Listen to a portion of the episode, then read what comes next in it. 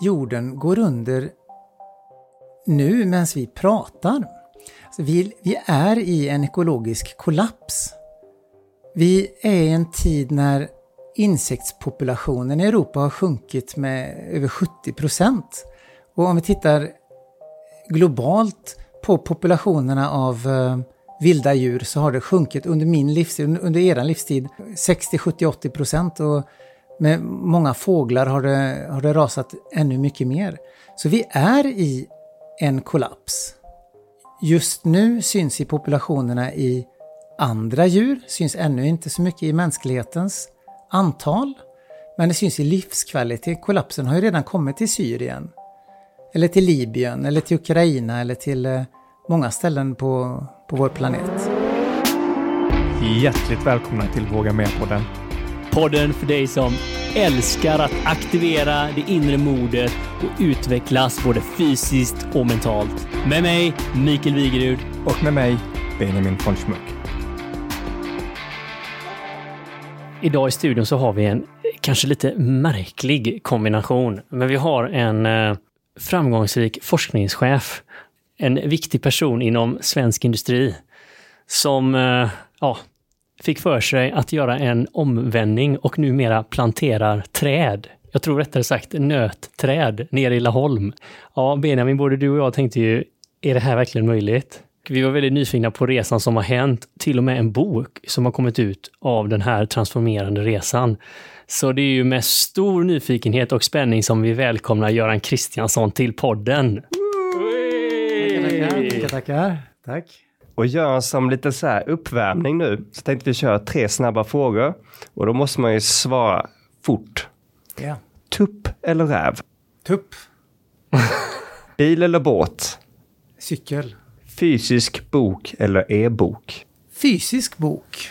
Ah, Nice! Ja, Ja, den lär vi ju komma tillbaka till.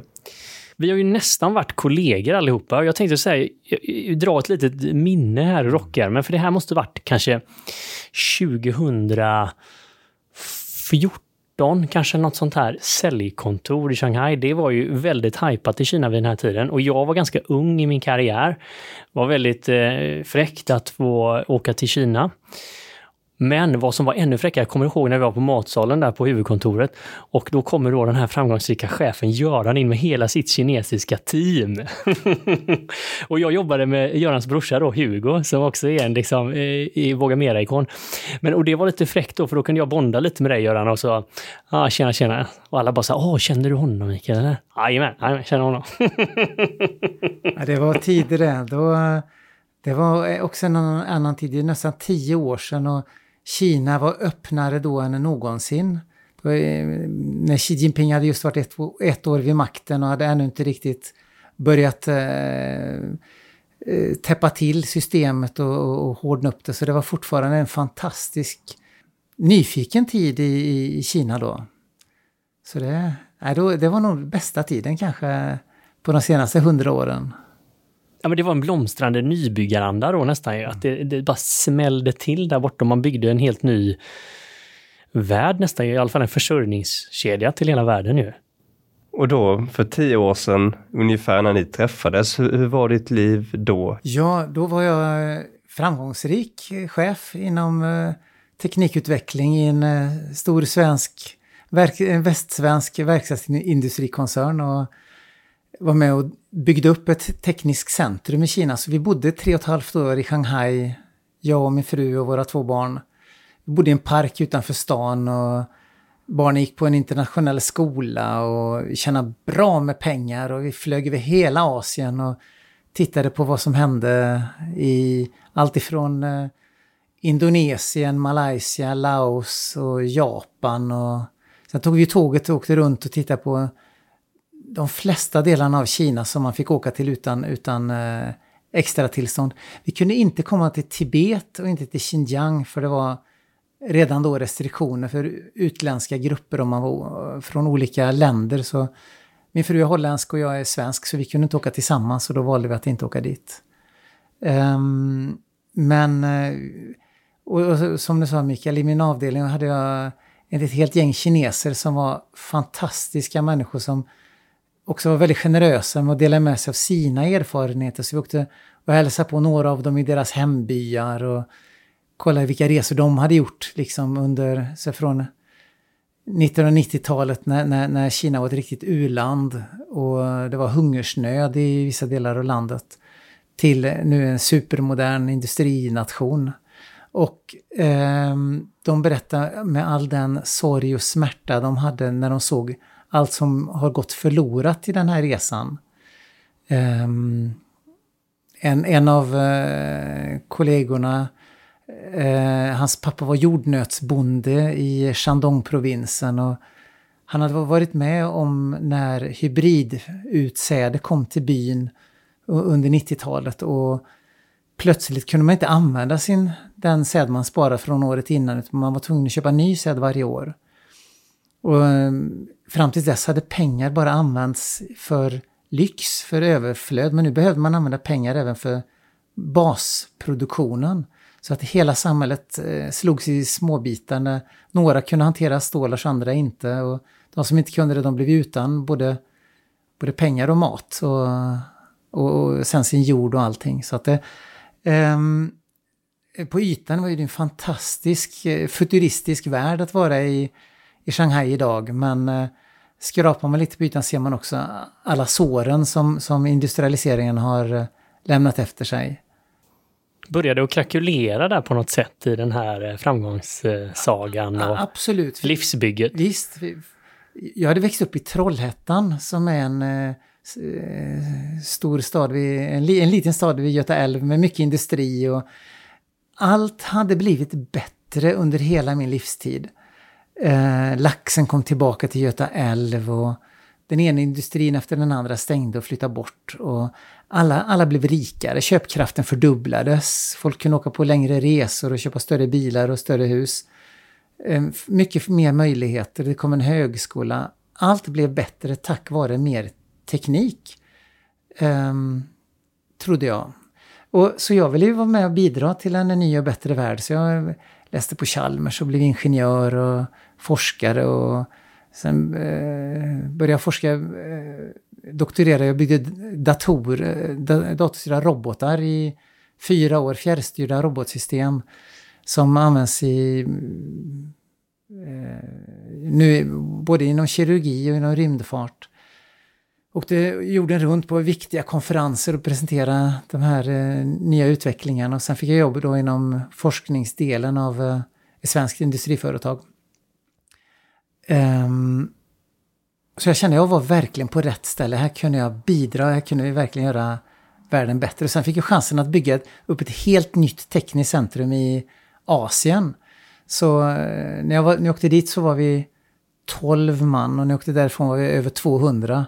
Så, med ett helt ny byggnad och eh, splitternytt modernt eh, utvecklingslabb. Um, och jag hade varit med och hjälpt till att flytta också ett antal fabriker liksom till, till, eh, till Asien under den här perioden. Um, så vi byggde upp massor med kompetens där. Men det som jag kan dela med mig en, en kort episod som var på, på kontoret där uh, de kineserna i min avdelning varje gång det hade varit en långhelg. Så, och de hade åkt hem till sina föräldrar i sina hembyar. Så kom de tillbaks till kontoret och hade med sig säckar med mat.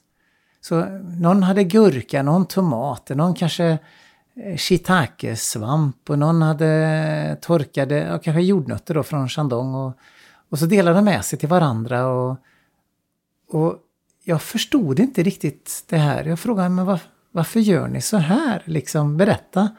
Och de var så glada när de fick, för de, de fick också av varandra liksom och tog med hem. Och de har alltså säckat 20-30 kilo jordnötter plötsligt på kontoret. Efter ja, ja, så extremt mycket då ja, kom av ja, varje vara här. Ja. Så det, var så, det, det, är inte det bara att, att, du får en clementin och du får utan nej, alltså mycket, stora säckar? Ja, och, men delikatesser kanske lite mindre. Och då sa de, ja, nej men det, det, här är, det här vet du, det här är bra grejer. Det är ju inte sånt som man köper i affären. Det är ju inte eh, odlat med gift eller med fusk eller det är förgiftat. Eller, så att det var en mycket stark misstro till det som man kunde köpa i eh, butikerna. Alltså i- industrialiserad mat då? Ja, industrialiserad förpackad mat. Men även det som man kunde köpa på- på marknaden intill. Om de inte visste vem det var som hade odlat maten så ville de helst inte äta den. Och med goda grunder. För det används så mycket olika sorters gifter och marken, jordbruksmarken i Kina är så förorenad att det skulle kommit ut en rapport 2013 eller 2012 när jag var där av Vetenskapsakademin. De hade gjort en, en slags kartläggning av all jordbruksmark i Kina för att se hur förgiftad den var. Men den blev hemligstämplad så de fick aldrig publicera den eh, rapporten. Och i floden där vi bodde intill en biflod till eh, Huangpu-floden så flöt det döda fiskar. Eh, och eh, någon dag var det någon, någon grisbonde som hade dumpat tusen döda grisar eh, som hade fått någon sjukdom eh, som flöt förbi. Och överallt vart vi åkte så såg vi stora industrier. Det var samma de som hade stängt i Trollhättan, de hade ju öppnat där. Fast, och kanske tio gånger större och ingen rening utan gick ju liksom bara rakt ut i floden eller ut i skorstenen. Hur, hur fick det dig och familjen att känna, se det? Alltså, jag fick sms-varningar från skolan. Idag är det indoor play för att barnen får inte vara ute för luften är för dålig. Då tänker man, varför har jag tagit med mina barn hit? Det här, är det verkligen ansvarsfullt? Eh, ska man utsätta sina åttaåringar för eh, en av världens värsta smog... Eh, och så tänkte vi alltid, ja det är ju ännu värre i Peking och det är ändå ännu, ännu värre i norra Kina, i Harbin och i inre Mongoliet, i gruvstäderna. Shanghai ligger ändå vid havet så att det blåser in ganska mycket frisk luft. Eh. Men, men, men det var ju inte roligt att, att se att jag var där och bidrog till den här förstörelsen. Av eh, skogar och sjöar och floder och luft och vatten. Ehm, och att hela vårt samhälle i Västeuropa ser ju, väldigt, ser ju ut som det har blivit mycket bättre sedan 80-talet. Ja, ja, du sa ju det. Trollhättan är ju fantastiskt mycket renare nu. Ja, visst. Eh, för vi har lagt eh, ferrolegeringar och det här smältverket någon annanstans. Och vi har flyttat eh, bilfabriken någon annanstans. Och det där annanstans, det var, det var ju där jag bodde då. Ser vi på varorna man köper på en eh, genomsnittlig mediamarkt eller eh, Elgiganten så kommer ju allting från det där annanstans. Då förstod jag att det var ju inte tekniken som gjorde att världen blev bättre eller att Trollhättan blev renare. Utan det var ju att vi hade flyttat, vi hade ju sopat problem under mattan, vi hade spelat eh, Svarte Petter med något annat land och så fick de eh, ta eh, eh, eh, spade knäckt istället för att vi satt med den när rundan var över. Hur kändes den här insikten då? För att eh, den, är- den är ju lite slående när, när du säger det. Det är väldigt lätt att kunna blunda för det om man inte väl besöker Shanghai eller besöker delar av världen där man, man, alltså, man kan se så här stora, stora soptippar i Afrika till exempel, där det läcker massa batterivätska och allt möjligt. Men man kan ju också i Sverige välja att kanske blunda från det och säga, men jag gör min källsortering så gör jag mitt bidrag. Men här var det ju svårt att blunda för det. Ja, så, och, och det tycker jag är väldigt dubbelt. För å ena sidan skulle jag ju vilja att alla får eh, lukta på en sån här flod där fiskarna flyter, liksom simmar med magen upp. Och, för det är förfärligt. Eller man ser eh, petrokemisk industri som, eh, där all den här kinesiska plastens granuler kommer ifrån. Hur kan vi förmedla den här insikten och den här upplevelsen, den här känslan till de som eh, inte åker dit? Och helst ska vi få folk att inte resa över hela världen såklart. Eh, men att ändå eh, känna, och ta ansvar för, dem, för vårt eget handlande. Eh, varje gång man köper en tv på, på Elgiganten så borde man kanske få se en liten film från den här tv-fabriken eller var hårdplasten, ABS-plasten kommer ifrån eller, eller sådär. Jag vet inte, vad tror ni? Alltså, vi behöver inte gå tillbaka så många decennier då, då cigaretter var ju ingenting konstigt med det och det var ju glamoröst och, och fräckt och det var som att ha en 72-tums plasma-tv kanske hemma. Men här så hör jag dig säga då att det, det kanske skulle vara varningstexter likt bilderna på cigaretter, att eh, den här plasten har förstört ett helt distrikt i Kina eller Ja, konsekvenserna av det här massframtagandet till inga kostnader alls. Ja, vi, eh, vi har ju en glorifiering idag av konsumentelektronik. Alltså, eh, ska, iPhone, ska Apple släppa en ny iPhone så, så, så eh, behandlas ju det med, med vördnad och respekt och, och får, kan till och med få nyhetsplats, eh, en sån här lansering. Eh, när i själva verket mm, borde kanske förbjudas eller, eller, eller um, åtminstone ha, alltså, ha en samma varningstext som cigarettpaketen på, på, på mobiltelefonerna. Jag tycker det är jättelustigt just det här med att ta iPhone-lanseringen som exempel. Att på många ställen så har det blivit en statusikon vilken iPhone du har. Och det till och med gjort studier som har visat eh, Ja, I detta fallet så var det då kvinnor som skulle välja män och det var sån här speed dating. Var de unconscious tog med sig liksom i beakt av val av då, person vilken modell telefon de hade. Om det var en äldre modell då, om det var en nyare modell. Så någon typ av, eh, vad ska man säga, om ekonomisk status. Och det finns ju bolag som har tagit vid det också, där man istället för att man kanske äger en telefon så har man en telefon ett år sen så kan man lämna tillbaka den för att få den nya modellen. Så att man pushar ju hela tiden det här köpbeteendet. Och lite grann som svar på din fråga, jag har ju inget svar där Jörn, men jag tycker det är väldigt intressant om man skulle kanske sätta en liknande röklapp eller någonting på elektronik när man köper det. Men då ska man också se vems i vems intresse är det? Jo, det är allas intresse, men det är kanske inte bolaget som säljer. Det är kanske inte Mediamarkts intresse att säga hej, köp gärna inte våra produkter. Och inte samma sak då för kanske Siba eller vilka kedjor man än väljer, Amazon. Då känns det som att det är någon annan aktör som behöver in och, och sätta det på plats. Ja, det var ju inte tobaksbolagen som, som, som drev igenom att de, man ska ha bilder på trasiga lungor på cigarettpaketen. Det, känns ju fortfarande väldigt konstigt, men vi är ju kanske lite i någon form av eh, tekniktid, alltså där tekniken nästan är som en religion. Vi, vi, vi, när vi har släppt allt annat och vi har släppt kyrkan och allting i Sverige, så det, är, liksom, det, det är Apple då vi får liksom buga inför och ja, prisa. Ja, visst, nej, så, så jag tror det är en väldigt bra liknelse med en religion, att tekniken löser alla problem. Eh, och det är en av de livsmyterna som jag själv upplevde att jag trodde ju verkligen att det var så. Eh, men som jag kommit på att det, det är bara en bluff. Eh, tekniken gör oss starkare. Tekniken är en hävstång. Så att vi kan göra mer, vi har mer kraft och mer möjligheter som människor.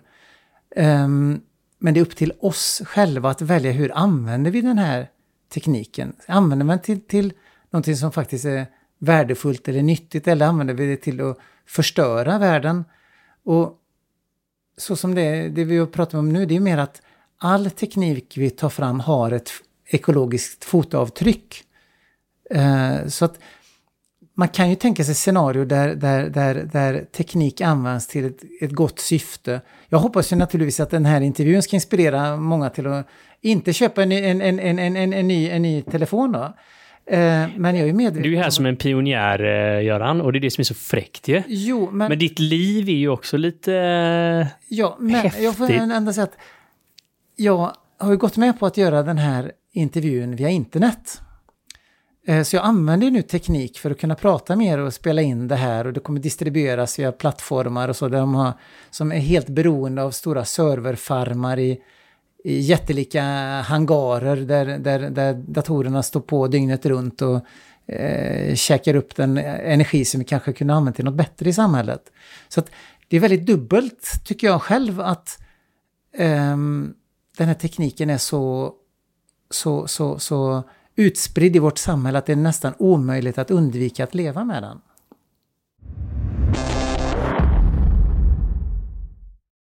Ja, men det finns väl, jag, jag tror att alla vi som, som sitter i studion här nu älskar teknik och det, det får man ju förstå. Det är därför samtalet blir extra intressant också. Men jag tänker så här Göran, vi, vi har varit där nu, vi vet vad som bubblade inom dig, vi vet dina frågeställningar, du har lyft upp en livsmyt här ju som är en viktig del, kanske till och med den första i din bok. Men vad hände i ditt liv och vad har du egentligen gjort för korrigeringar från de här insikterna? Oh, ja, alltså det här var ju skitjobbigt. Fan, alltså jag, jag trodde jag var ute och skulle rädda världen och så kom jag på att det var jag som var problemet. Jag som åkte fram och tillbaka till Shanghai eh, och till Europa och till USA på viktiga jobbmöten och en viktig karriär. Och, eh, sen kom jag på att det här är ju bara skit som jag håller på med. De produkterna som min avdelning utvecklade var mest skräp som egentligen inte behövs. Um, och, och då, där stod jag liksom som avdelningschef, då ska man ändå äh, representera företaget. Och det var i, e-, i en, en sån här ähm, äh, jag minns det jätteväl, jag stod inför min, min avdelning och, och berättade varför det var så viktigt att vi skulle liksom öka marknadsandelen och öka försäljningen av ett visst, en viss sorts produkt då. Och att vi, vi skulle dra igång ett stort initiativ för att eh, kunna sälja mycket mer av en viss produkt eh, genom att ha ett sämre material, billigare material och kunna eh, med lite sämre produktegenskaper men det skulle bli liksom billigare och då kunde vi liksom konkurrera med de andra asiatiska eh, konkurrenterna då. Och, och så, så, hörde jag mig själv säga liksom, ja vi ska sälja mer, vi måste öka den här volymen med 20-30% om året de kommande fem åren. Och, eh, vi ska göra sämre produkter och så tänkte jag, vad, vad, vad fan håller jag på med? Det här, det här kan väl ändå inte vara varför jag är på den här jorden. Att, att tillverka, liksom, och, och kollade jag liksom på våran eh, så här, lean eh, whiteboard med alla pågående projekt liksom med komponenter för diesellastbilar eh, som motsvarar Euroklass 2, alltså som inte får sälja i Europa, men som får säljas i Asien. Sådana komponenter gjorde vi liksom. Gjorde grejer till gruvindustrin, till, till eh, grävmaskiner för, för byggen. Eh, ja, några grejer var bra, liksom, vi gjorde till vindkraftverk och sånt, men alltså... Fan, tänkte jag. Jag tycker det, det är lätt som ingenjör att säga så här. Okej, okay, men jag, jag jobbar mot oljeindustrin och det är ju inte en jättebra industri. Men jag gör i alla fall produkter som gör att footprint från oljan blir lite mindre. Så på så sätt gör jag världen bättre. Ja, Vad säger du mot sådana argument? Det finns en jättebra bok som handlar om precis det argumentet som en kille som heter Jevons, han skrev 1880. Eh, On the coal problem hette det. För att i England så började stenkolen ta slut. Eh, och då kom ett antal, eh, många initiativ för att eh, höja verkningsgraden i ångmaskiner och sånt. Och han såg att då användes inte mindre kol utan mer kol. För man, man gjorde mycket fler ångmaskiner. Så att alla innovationer som ökar, ökar verkningsgraden inom process eh, sänker priset för användningen och, och ökar totalförbrukningen. Så att det... Eh, och det har vi vetat i över hundra år, men det är en mycket vanlig bortförklaring. Alltså, vi är otroligt kreativa, vi människor, på att hitta, hitta på eh, narrativ, berättelser, historier, eh, hitta på som för att rättfärdiga eh, det vi håller på med. Även om vi vet att det är destruktivt. Ehm, man kan ju bara eh, ta en, ta en parallell till, till, till studietiden med alla snapsvisor som förhärligar att dricka alkohol. Som ju egentligen alla vet att det är ganska eh, destruktivt och, och, och eh, överskattat. Men, men vi hittar på olika anledningar va, till, till, till att rättfärdiga beteenden som på kort sikt har, har, har någon eh, fördel men på lång sikt är eh, djupt problematiska. Förödande. Ja. ja. Men, men, här skaver det då likt en bakfylla efter många snaps på, på Chalmers, låter som när du står på det här avdelningsmötet, Göran, och, och då pratar och samtidigt hör ja. vi inom dig att, att, att vad är jag på väg någonstans ja. egentligen? Alltså vad händer här? Vad startar det här för process med ditt eget liv och vad, vad händer egentligen? Ja, jag hör ju mig själv säga saker som jag vet inte är sanna. Alltså det är jät- jättejobbigt. Det är liksom en jätteskav som, som, som, som dyker upp som, som jag nog hade känt på mig ett tag men inte riktigt, riktigt kunde för, förstå vad det var, vad skon klämde riktigt. Men då blev det liksom glasklart att det här håller inte. Um, så det, det som jag började då var en, en utforskningsresa runt vad är hållbarhet egentligen? Vad är, nu, det sättet så som vi håller på nu, det eh, tar liksom koll på vår planet. Um, men som, som, jag är ändå forskarutbildad så jag får, vill ju gärna jobba med, med, med fakta och förstå vad är stort och vad är smått, vad är ett riktigt problem och vad är, vad är liksom lite i marginalen. Vad, vilket problem sku, borde jag egentligen ägna mig åt att lösa?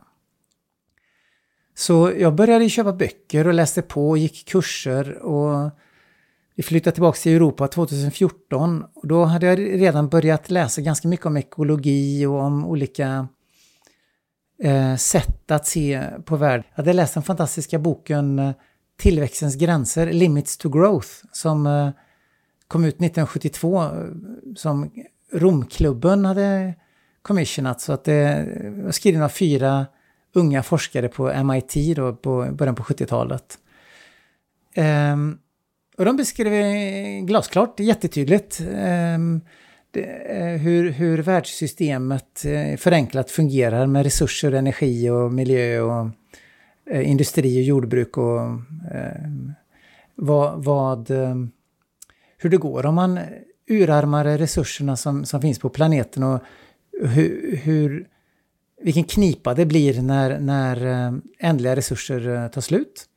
Och det, det är inget konstigt egentligen. Alltså det, eh, om, om man tänker sig att man bor på en planet med en viss mängd, säg koppar, och, och, så använder vi det som är lättillgängligt först och sen så blir det svårare och svårare att, att få ut koppar ur marken. Och sen någon gång så blir det så jädra jobbigt att få ut koppar att det liksom inte är värt det att få ut någon koppar ur marken. Um, och det, det, kan vi ju göra bedömningar om. Var är vi på den, i, i, i den utvecklingen liksom? Och de, de gjorde en, en, eh, utifrån all tillgänglig data som fanns 1970 så räknade de ut att ungefär runt 2020 då borde vi ha kommit till hälften av de flesta viktiga naturresurser. Eh, och när man är vid hälften ungefär, då börjar det bli riktigt jobbigt. För att det som, den hälft som är kvar är alltid den, den, den kassa hälften som, som, som... Det är som att springa maraton liksom. ja visst, fast, fast om man har nedförsbacke... Man, man, nedförsbacke man har ju sällan nedförsbacke. man uppförsbacke andra halvan. Ja, precis, precis. en sån, ett sånt maraton är det liksom. Det känns ju jättegött i början va? Ja. Men sen när man har kommit till hälften och det är bara uppförsbacke hela vägen vid slutet så, så, så är det ju tufft va? Men i alla fall, så, så jag läste på, började plugga och då eh, upptäckte att det finns massa olika sorters modeller runt det här med hållbarhet. Eh, en del är politiska modeller som har bestämts av någon kommitté för att någon ska känna sig bra. Sen finns det en del som är vetenskapliga modeller som, är, som faktiskt bygger på någon substans. Och tillväxtens gränser det är en, en eh, baserat på en modell som man kan simulera kan man säga jorden. Och i den boken så har de simulerat 13 olika scenarion för eh, eh, policyalternativ som fanns från 1970 och framåt. Så man leker lite gud kan man säga. Man ja. kan eh, ändra på lite Nej. olika parametrar och så ser man vad som händer. Eh, man leker inte gud utan man leker världsdiktator. Så man styr över de mänskliga systemen, okay. inte, inte över de inte över man ändrar inte naturlagar och sånt utan... Så naturlagar gäller men, ja, men okay, eh, vad människan åstadkommer med dem eller hur vi eh, an använder dem då? Man kan ju tänka sig att man kan ha befolkningsstyrning eh, med att man promotar små familjer kanske eller man kan promota innovation och mer teknik, man kan promota må många olika, olika saker. Och det kan man nog simulera i, i den här modellen kan man provköra um, uh, olika scenarier. Och de flesta scenarier slutar med en kollaps 2040 ungefär av um, att befolkningen går ner till en miljard ungefär. Och, är, och är detta fortfarande aktuellt, de här, vad är det, från 70-talet som... Ja, det är De här- intressant för en, den, en, ett av scenarierna som de, som de kallar för det business as usual, vi kör på som vanligt, går det så går det scenariot. Eh, det har visat sig att det är det som vi följer nu, har följt i 50 år. Eh, så ungefär var tionde år har det kommit ut en ny bok där man har kollat eh, med mer kunskap, mer eh, eh observationer liksom, eh, längs den här eh, banan. Eh, där man kan se hur, hur har det gått med eh, hur mycket olja finns det kvar, hur mycket eh, gift har vi släppt ut i, i, i hav och, och sjöar och, och luften och hur, hur går det med jordbruksproduktiviteten och sådär.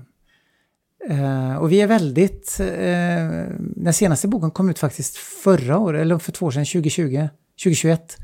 Gaia Harrington kan, kan jag rekommendera alla att uh, söka efter.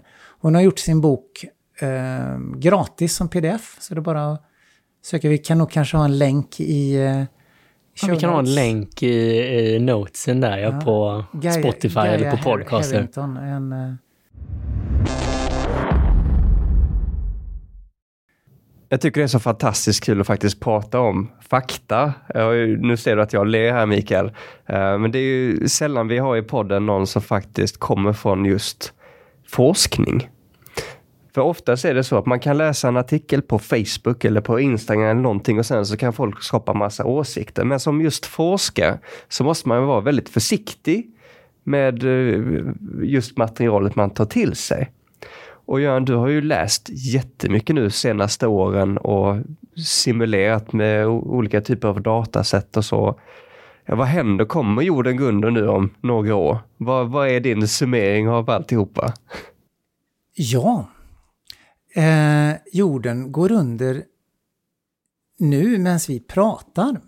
Alltså vi, vi är i en ekologisk kollaps.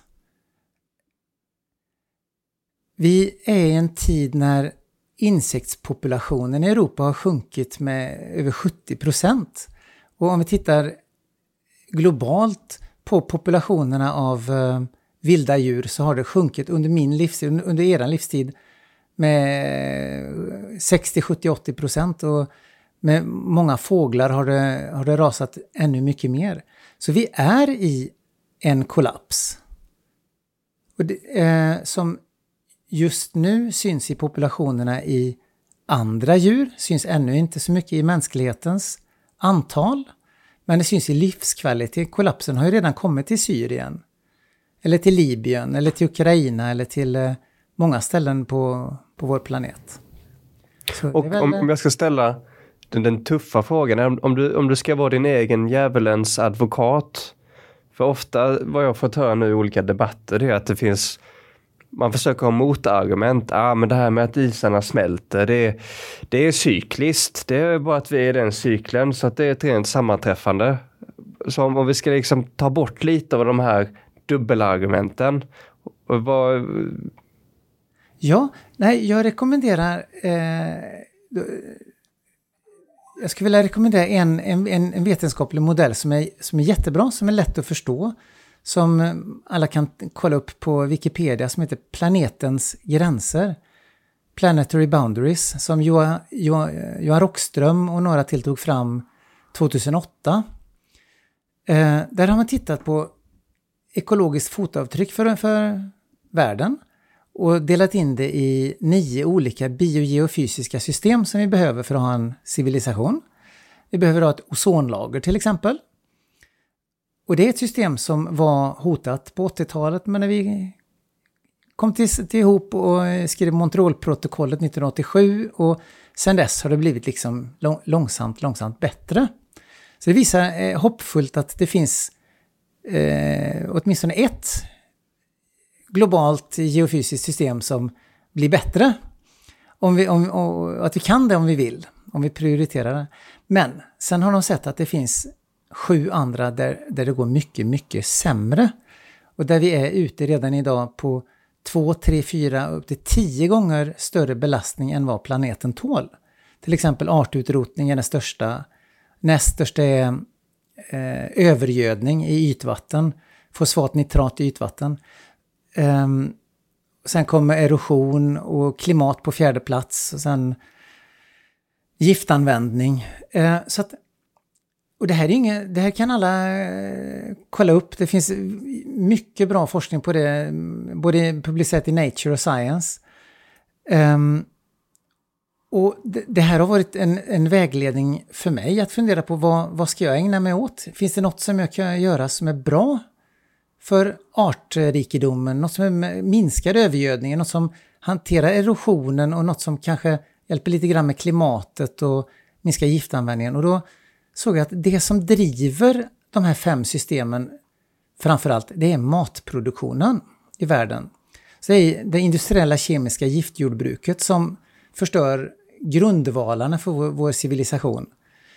Um, så då började jag studera ordentligt, läsa mycket mer böcker. Vad är mat vad kan vi äta? Vad, vad skulle vi kunna odla utan att använda, över, utan att använda konstgödsel, utan att använda insektsgifter, utan att... Och någonting som gärna stabiliserar jorden så att inte den spolar bort när det regnar. Eh, någonting som kan hjälpa till med klimatet och binda kol i marken.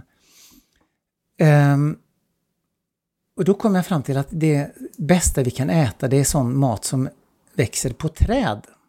Så ju mer vi äter från träd desto bättre för eh, både eh, jordkvaliteten eh, och artrikedomen. Och träden, eftersom de har rötter som är aktiva hela året runt så hjälper de också till att fånga upp eh, överskottsgödning. Och det finns mycket vi kan äta från träd, inte bara äpple och päron och plommon utan eh, också eh, nötter.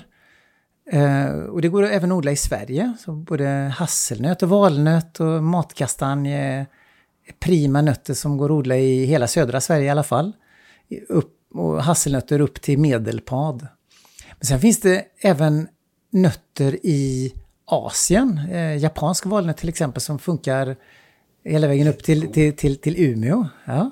Mm. Hjärtnöt. Men alltså den här, det här som du, du pitchar så fantastiskt nu, alltså, har det lett eh, industriforskaren i en ny riktning?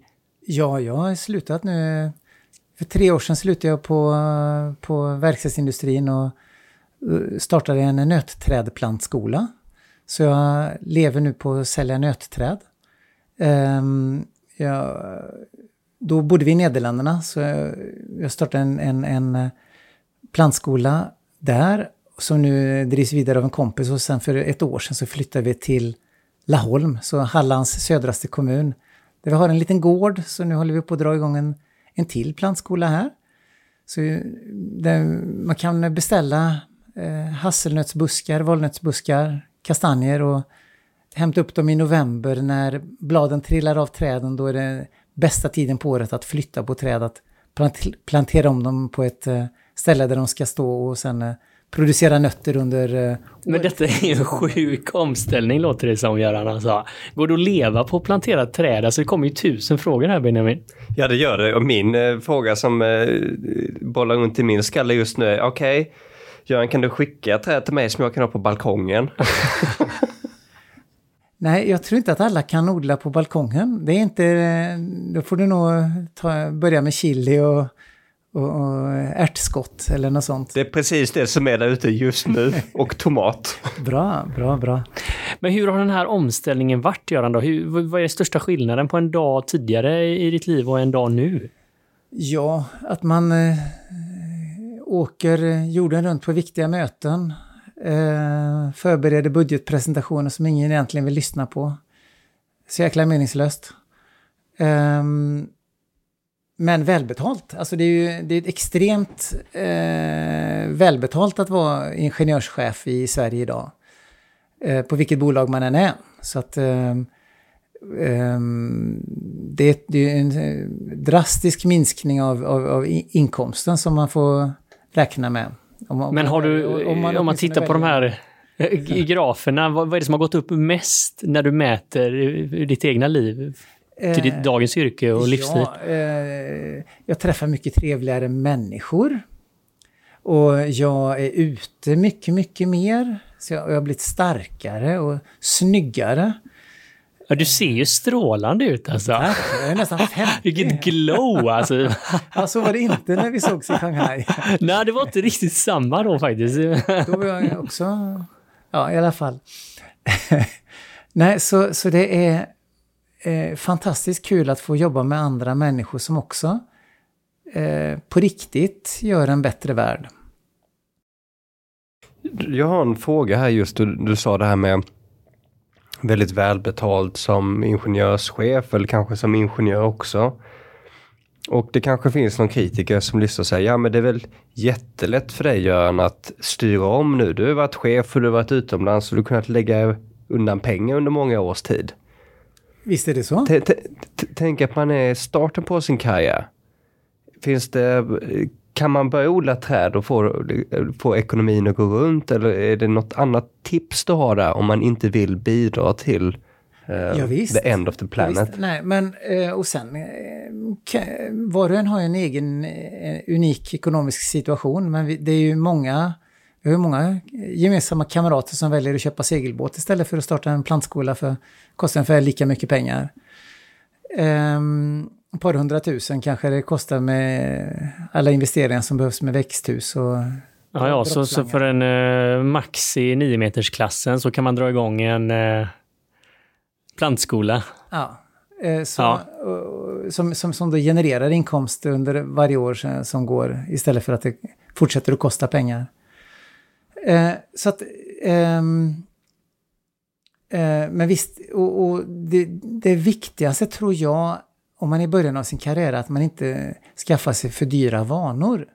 Många av våra eh, gemensamma bekanta som är fortfarande ingenjörschefer har ju väldigt dyra eh, vanor. Och bor man i storstan och tror att man måste ha en ny bil ganska ofta eller vad det nu är så, så, så krävs en stor inkomst för att ehm, eh, täcka det, det stora, de, de stora utgifterna. Men de allra flesta i Sverige har ju mycket, mycket lägre inkomst än ingenjörschefer som, som, som vi känner.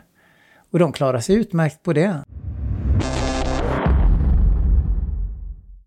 Eh, men det, det är helt sant att eh, jag har en fantastisk, unik, privilegierad position som vit medelålders eh, man i Sverige med akademisk bakgrund och svenska föräldrar.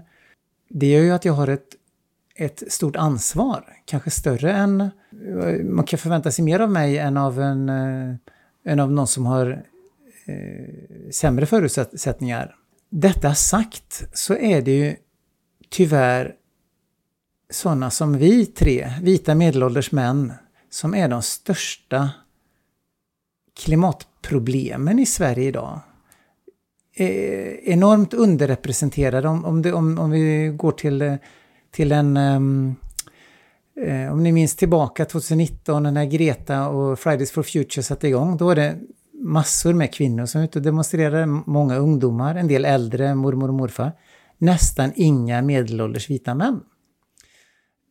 Um, så jag tror att uh, jag skulle vilja inspirera de som ännu inte börjat med, med sin konsumtionsresa och köpt sig något, något, något dyrt hus som man inte har råd med. Eh, gör inte det. Um, Välj en annan väg välj en där. annan väg. Ju tidigare man väljer, desto mindre bagage har du liksom med, med, med Ja, för bagaget är tyngden här. Du menar att det finns en frihet, att ha en lätthet, att ryggsäcken inte väger så många kilo liksom. Ja, eh, tänk tillbaka själv när du var student, hur mycket hade du då i månaden att, att, leva på? Ja, men jag har haft det samtalet med många efter, alltså för att man märker ju när inkomsten ökar och man plockar på sig grejer och så ju, ju egentligen fler jag typ har, gör den här studien hos så är det många som refererar till att den lyckligaste tiden i deras liv var kanske någon del i studietiden man hade väldigt lite medel men man försökte göra väldigt mycket roliga saker med det man hade. Men det var ju väldigt lite pengar som var tillgängliga om man hade lite CSN-pengar någonstans där. Så det är ju en, det är en ledtråd där någonstans att det är inte att köpa lyckan, det blir ju väldigt tydligt. Även i det här fallet. Ja, och sen, sen kan man vara tvungen att, att, att, att ta några jobb här och där då och då, men att eh, bara man vet varför man gör det och att man eh, väljer att spara lite på hög. Det är ju många som inte gör det. Eh, Så, så om, vi, om, vi, om vi riktar ett ord då till eh, kanske nyexaminerad ingenjör som vill göra gott men inte riktigt vet hur. Då var en bit här då att vara medveten om vad du jobbar med och, och vad, om jag tror till alla, liksom, var man än är, det här är en väldigt, väldigt generellt fantastiskt tips. Alltså, mm, en stor del i min, min egna resa de senaste åren har ju varit den här avprogrammeringen av prylar. Alltså hela tiden innan var det ackumulering. Och jag tänker om man är där nu Benjamin, som du säger, man är tidigt, då är man i ackumuleringsstadiet. Man vill ha mer, man vill komma upp i status, man vill uppgradera sig, allt ska bli större, mer, finare. Och då är det typ, jag hör hur vi tre säger nu, alltså försök att hitta frihet från det redan där du befinner dig nu. Sen är det okej att kanske tillförskaffa sig vissa av de här sakerna, men, men det finns en frihet. Du gör mycket mer medvetna val. Och som Göran säger, du är kanske till och med lite medveten om konsekvenserna. Du är inte helt naiv i ditt liksom programmerade köpbeteende. Jättebra eh, sammanfattat Mikael. Och nu när jag har valt andra vägar framåt så träffar jag andra människor. Och många är mycket, mycket smartare än jag. För mig tog det tills jag var 40 när jag förstod hur sakerna hängde ihop. Men det finns ju många som ganska unga har förstått precis hur, hur det ligger till och valt mycket, mycket klokare eh, än jag som inte har så mycket skuld och skam runt, runt alla eh, hundratusentals flygkilometer som jag har på mitt eh, samvete. Har du bränt dina guldkort eller hur ser det ut på flygbonusprogrammen? Ja, du vet, jag, jag, har, inte- jag har inte flugit sedan 2017. Så eh, det har svårt, att- svårt, jag har svårt att tänka mig att jag ska flyga igen. Du har ju delat med dig av din klokskap eh, nu, alltså runt hörnet här bara dagar, eller kanske till och med samma dag som detta avsnittet kommer att släppas, så kommer också din bok ut, Göran. Just det. Boken Krossa livsmyterna. Det låter ju ofantligt spännande. Du har ju eh, delat med dig några av de här livsmyterna, men eh, vad är det du vill förmedla med din bok? Eh, Det är en slags, ja som du säger, en avprogrammeringsguide. Hur man eh, kommer, kommer loss ur de här vanliga vanföreställningarna om hur, hur världen hänger ihop. Ehm, en är, en är att teknik löser alla problem. Och en annan är att tillväxt är toppen. Det är stort eh, politisk konsensus runt att alla vill ha tillväxt. Även om det är just det som eh, förstör vår planet. Ehm, en annan är att Sverige är bäst. Eh, ingen protest. Eller, eller vänta, hör jag det här nu? Ganska mycket protest. och en är att hållbarhet är lämplig som en hobby. Där jag vill hävda att det är bättre att göra det på riktigt och ägna sitt yrkesliv åt att eh, göra världen mer hållbar istället för att göra det bara på helgen. Så att boken handlar, handlar om sju livsmyter som jag själv levde i, levde efter, var helt marinerad i. Men som jag kom på efter, eh, under resans gång att det, var, det här var, ju- stämde ju inte. Och hur mycket roligare och intressantare mitt liv blev när jag lev, lever i samklang med verkligheten så som verkligheten faktiskt är. Eh, jag träffar roligare människor, intressantare val. Det är fort, fortfarande är stressigt och det kan vara jobbigt med träd och det regnar och träd dör och man ska leverera till någon kund och man kanske inte hittar till det stället. Allt kan gå fel liksom. Det är, det är, på så sätt är det, är det, är det ingen... Det är, det är inte så att allt är enkelt och roligt, men det är aldrig meningslöst. Mm. Om eh, det här med klimatet är verkligen på tapeten. Och eh, ofta är det ju väldigt alarmistiskt och jag kan ju ibland själv känna att ah, det går ju åt helvete. Och att man blir nästan lite deprimerad. Och här sitter du Jörn och bara lyser nu när du pratar om det här. Du pratar om faktan och hur man kan se på olika saker och ting. Vad är ditt meddelande till en person som kanske känner att det är mest jobbigt det här med klimatet? Eh, ja, men det är ju mest jobbigt med klimatet, så det är ju, erkänn det. Eh, och det som har hjälpt mig mycket är en metod som, heter, som kommer ur Deep Ecology. En dam som heter Joanna Macy har tagit fram en metod som man gör i grupp. Där man, en fyrastegsmetod för att omvandla sin, den smärta man känner inför världens tillstånd till handlingskraft. Um, work that reconnects kallas det för ibland, eller akt aktivt hopp. Det finns grupper i Sverige också man kan uh, delta i. Jag har fantastisk tur att min, uh, min fru är, uh, har, har, lärt mig den här metoden. Hon är, hon är gruppledare för sådana eh, samtal. Den låter ju applicerbar i många delar av livet, men med den här klimat... Men det är väl fantastiskt att växla klimatångest mot handlingskraft. Det, alltså, det låter ju genialiskt. Ja, visst. Och, och hon utvecklar metoden runt eh, kärnvapen på 80-talet, men det går ju att använda för, i, i vilket eh, eh, sammanhang som helst där man känner en, en smärta för, för hur, vi, hur vi helt i onödan förstör vår planet. Vi måste bara eh, fråga, är du kompis med Greta Thunberg? Eh, kompis? Ja, ja, jag är kompis med Greta Thunberg. det är typ det närmsta Greta vi har varit, Benjamin, va? på Ullevi. Nej men, eh, det är ju lite häftigt hon, faktiskt. Hon, hon vet vem, vem jag är och jag vet vem hon är. Ja, men det känns viktigt att ni samarbetar också. Såklart, såklart. Ja, så är det faktiskt. Just. Men, men, jag... Eh, nej, men jag vet att du, du följer också, alltså du supportar den här unga rörelsen också va? Hur är det? Din grabb är engagerad också? Ja, en, en, vi har två pojkar eh, och en av dem är, är aktiv i den i, i klimatrörelsen, i Fridays for Future. Eh, och också eh, i ehm, eh, Skydda skogen, alltså att det här mer, mer specifikt runt art, artrikedomen. Ja, men, och detta är väl kanske en av de grejerna som kan binda samman generationer allra mest eh, och, och, i någon form av djup mening. Det känns ju extremt intressant att göra. Och vi är väldigt glada för din bok. Vi ska ju snart få den i händerna själva också. Jajamensan. Den 24 kommer den ut på riktigt. Har vi ett boksläpp. Och vi har valt att göra det eh, på Chalmers av alla ställen. Eh, så vi får se hur, hur det tas emot när vi ser att teknik inte är lösningen på alla problem. Ja, ja, det är ju känsligt att kliva in där på Chalmers med en sån eh, mening i ryggsäcken. Ja.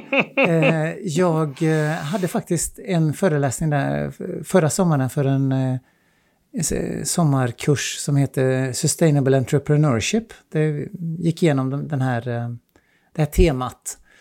Eh, de var så nöjda att de har bjudit in mig i år igen, så jag ska vara gästföreläsare igen där. Spännande. Så, så under hösten kommer jag göra ett antal eh, föreläsningar. Så om det är någon som lyssnar på den här podden tycker det verkar intressant så är det bara att kontakta mig på livsmyter.se och boka in en, eh, en workshop eller en föreläsning. Ja, vi lägger in länkarna till dig där Göran i. Tack. tack. Och eh, Göran, finns det någon andra typ av forum där man kan följa dig? Eh, likt Instagram eller LinkedIn?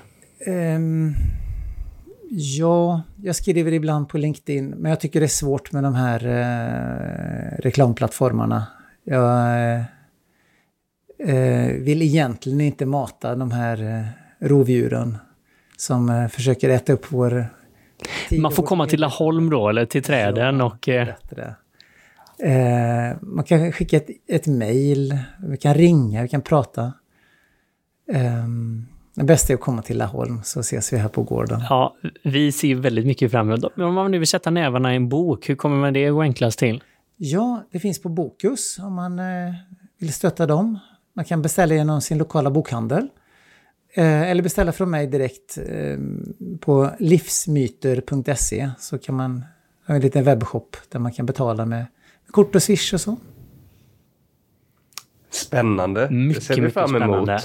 Vi har varit inne på det, Göran, men om du ska få ge en eller en och en halv mening som pepp till någon som känner lite momentum här och vill börja göra någon förändring i livet. Hur ska man tänka eller vad ska man göra? Eh, hitta likasinnade. Hitta andra som också ser världen med samma perspektiv som du så att du inte känner dig så ensam. Det är det, är det viktigaste. Ensam klarar man ingenting utan det är bara när vi jobbar tillsammans som vi kan gå i mål. Fantastiskt.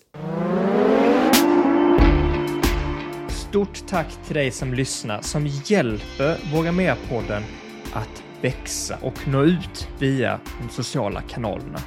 Vi har ingenting utan er lyssnare och både från mig och från Mikael så skickar vi ett stort våga mera så hörs vi igen i lurarna nästa avsnitt.